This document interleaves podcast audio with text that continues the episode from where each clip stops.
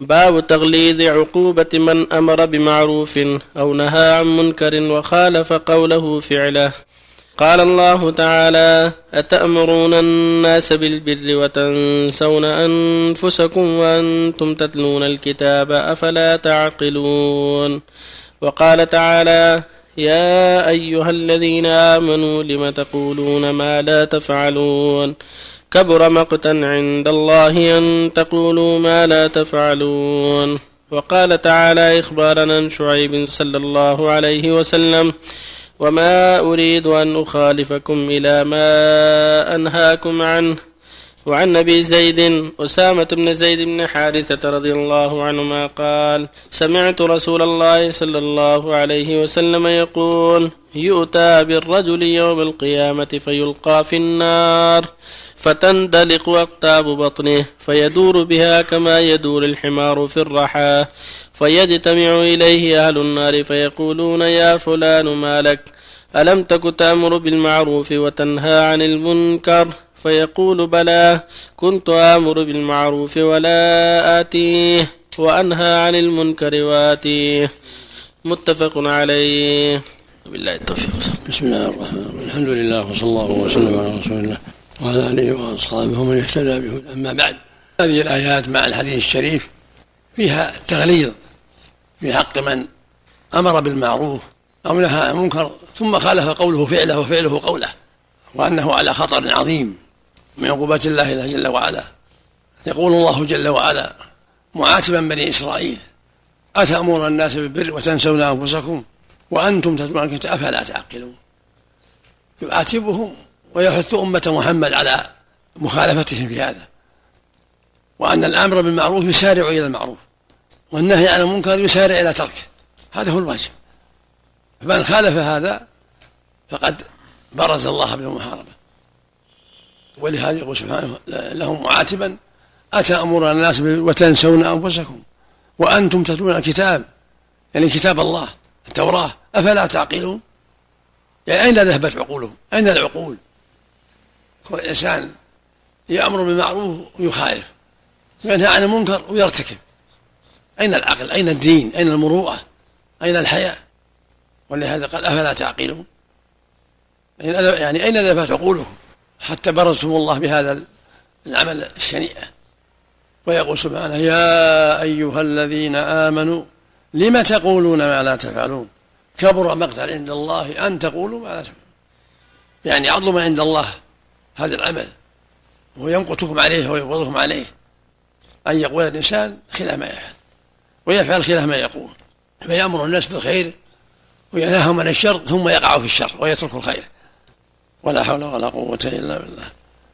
ويقول جل وعلا عن شعيب رضي الله عليه الصلاة والسلام أنه قال لقومه وما أريد أن أخالفكم إلى ما أنهاكم عنه.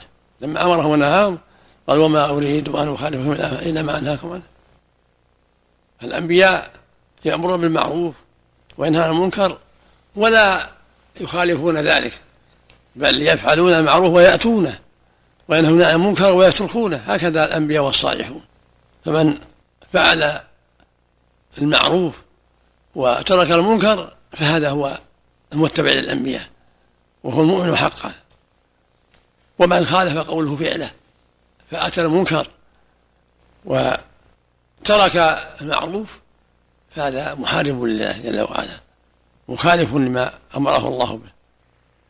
وهذا يجب على المؤمن العناية حتى تكون أعماله وأقواله مطابقة للشرع فيعمل بطاعة الله ويستقيم على أمر الله ويترك محارم الله ويحافظ على ذلك حتى تكون أقواله وأعماله مطابقة للأوامر. وهكذا قوله في حديث صفة شعيب وما أريد أن أخالفكم إلا ما أنهاكم عنه يعني ليس مما يجوز لي أن أخالفكم. بل الأنبياء كلهم عليهم الصلاة والسلام أمروا بالمعروف وفعلوه ونهوا عن المنكر واجتنبوه وهكذا الصالحون. فالواجب على من أمر ونهى أن يكون من أسبق الناس إلى الخير ومن أبعدهم عن الشر. وفي هذا المعنى جاءت أحاديث منها حديث أسامة هذا أنه يؤتى بالرجل يوم القيامة فيلقى في النار. تندلق أقتاب بطنه. يعني تبرز وتخرج إلى النار له. نسأل الله العافية. وقد بطنه يعني أمعاءه فيدور في النار كما كما يدور الحمار بالرحى. فيجتمع عليه النار. فيجتمع أهل النار ويقول ما لك يا فلان؟ ألم تكن تأمر بالمعروف وتنهانا عن المنكر? فيقول بلى. أنا كنت أمركم بالمعروف ولا آتي. وأنهاكم عن المنكر وآتي نسأل الله العافية. فهذا جزاء عذب على الرسل الأشهاد بين أهل النار نسأل الله العافية. لأنه افتضح في النار كما فضح نفسه في الدنيا.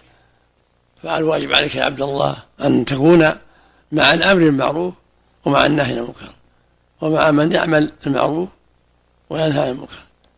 ولا تكون مثل من تخلف عن هذا الخلق الذميم الحميد. بل يكون مع أصحاب الخلق الحميد. كن مع الآمرين بالمعروف والنهي عن المنكر والمعاقبين لمن تخلف. تأسيا بنبينا عليه الصلاة والسلام وسلوكا لمسلكه عليه الصلاة والسلام وحذرا من مشابهة أعداء الله. فإن الرسول صلى الله عليه وسلم كان يأمر ويفعل وينهى ويترك. وهكذا الصحابة رضي الله عنهم وأرضاهم. وفق الله هل هذا يدخل في أنواع الدعوة إلى الله؟ من أنواع الدعوة إلى الله؟ لا شك أن من الدعوة إلى الله الأمر معروف والنهي المنكر هو من الدعوة إلى الله. فعطفه في قوله جل وعلا وتكن منكم من تدعو الخير ويأمر. هذا من عطف الخاص على العام. فالذي يدعو إلى الله أو يأمر بالمعروف أو ينهى عن المنكر ثم يخالف قوله ما يدعو إليه داخل في هذا الوعيد. نسأل الله العافية. أيهما أخف ترك الإنكار على النفس والإنكار على الناس؟ أم الإنكار على الناس وعدم الإنكار على النفس؟ يجب على المؤمن إنكار المنكر على نفسه وعلى غيره. إذا رأى المنكر يجاهد نفسه حتى يدعو عن المنكر ويجاهد غيره في ترك المنكر.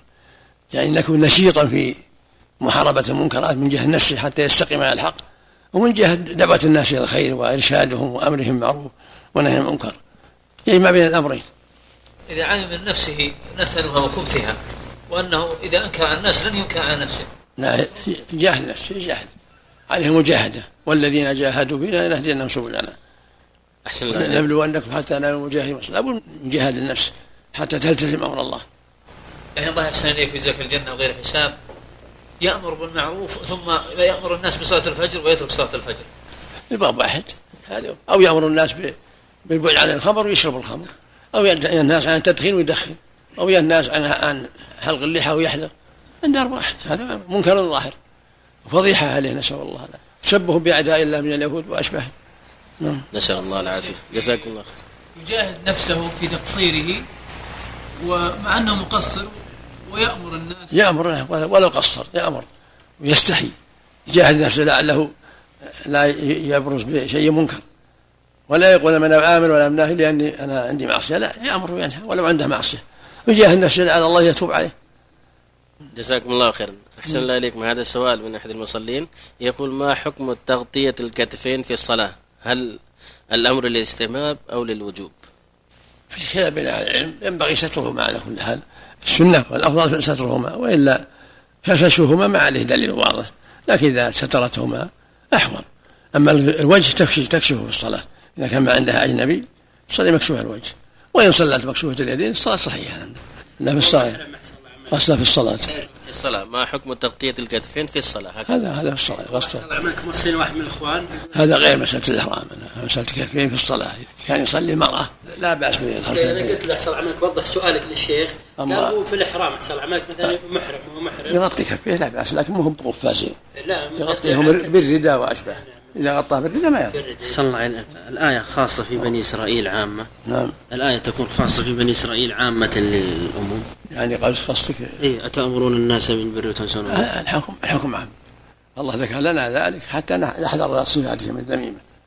أو حتى نحذر صفاتهم الذميمة. مثل ما قص علينا الأخبار الماضية. قصها علينا لنحذر الشر ونفعل الخير. صلى الله عليه أيهما يقدم العالم الفاسق أو العابد الجاهل؟ لو مثلا أردت تسمع لنصح أحد العبد ما عنده ما عنده فائدة ما عنده إلا التعبد فقط بالعالم وإن كان فاسقا. لكن إذا كان اشتبهت في فتواه أعرضها على غيره وانصح بعد أيضا. أعرضها على غيره حتى يجتمع لك الخير. الذين يبخلون. لا تعتمد عليه إلا بعد سؤال غيره إذا وجدت غيره. أما العابد ما عنده فائدة العابد المسكين ما عنده. أحسن عليكم. الآية تقول الذين يبخلون ويأمرون الناس هي نزلت في اليهود؟ فيهم وفي أشباههم. فيهم وفي أشباههم نسأل الله. المقصود التحريم البخل ومع البخل يأمر الناس بالبخل البخل بالمال والبخل بالعلم كله. أيهما أشد أحسن؟ البخل بالعلم أشد. أحسن الله عليك. سبحانك اللهم بالعلم أشد شيخ؟ الذين يكتبون ما أنزلنا من البينات من الهدى من بعد ما بيناه للناس أولئك. يلعنهم الله ويلعنهم الله نسأل الله نسأل الله. العافية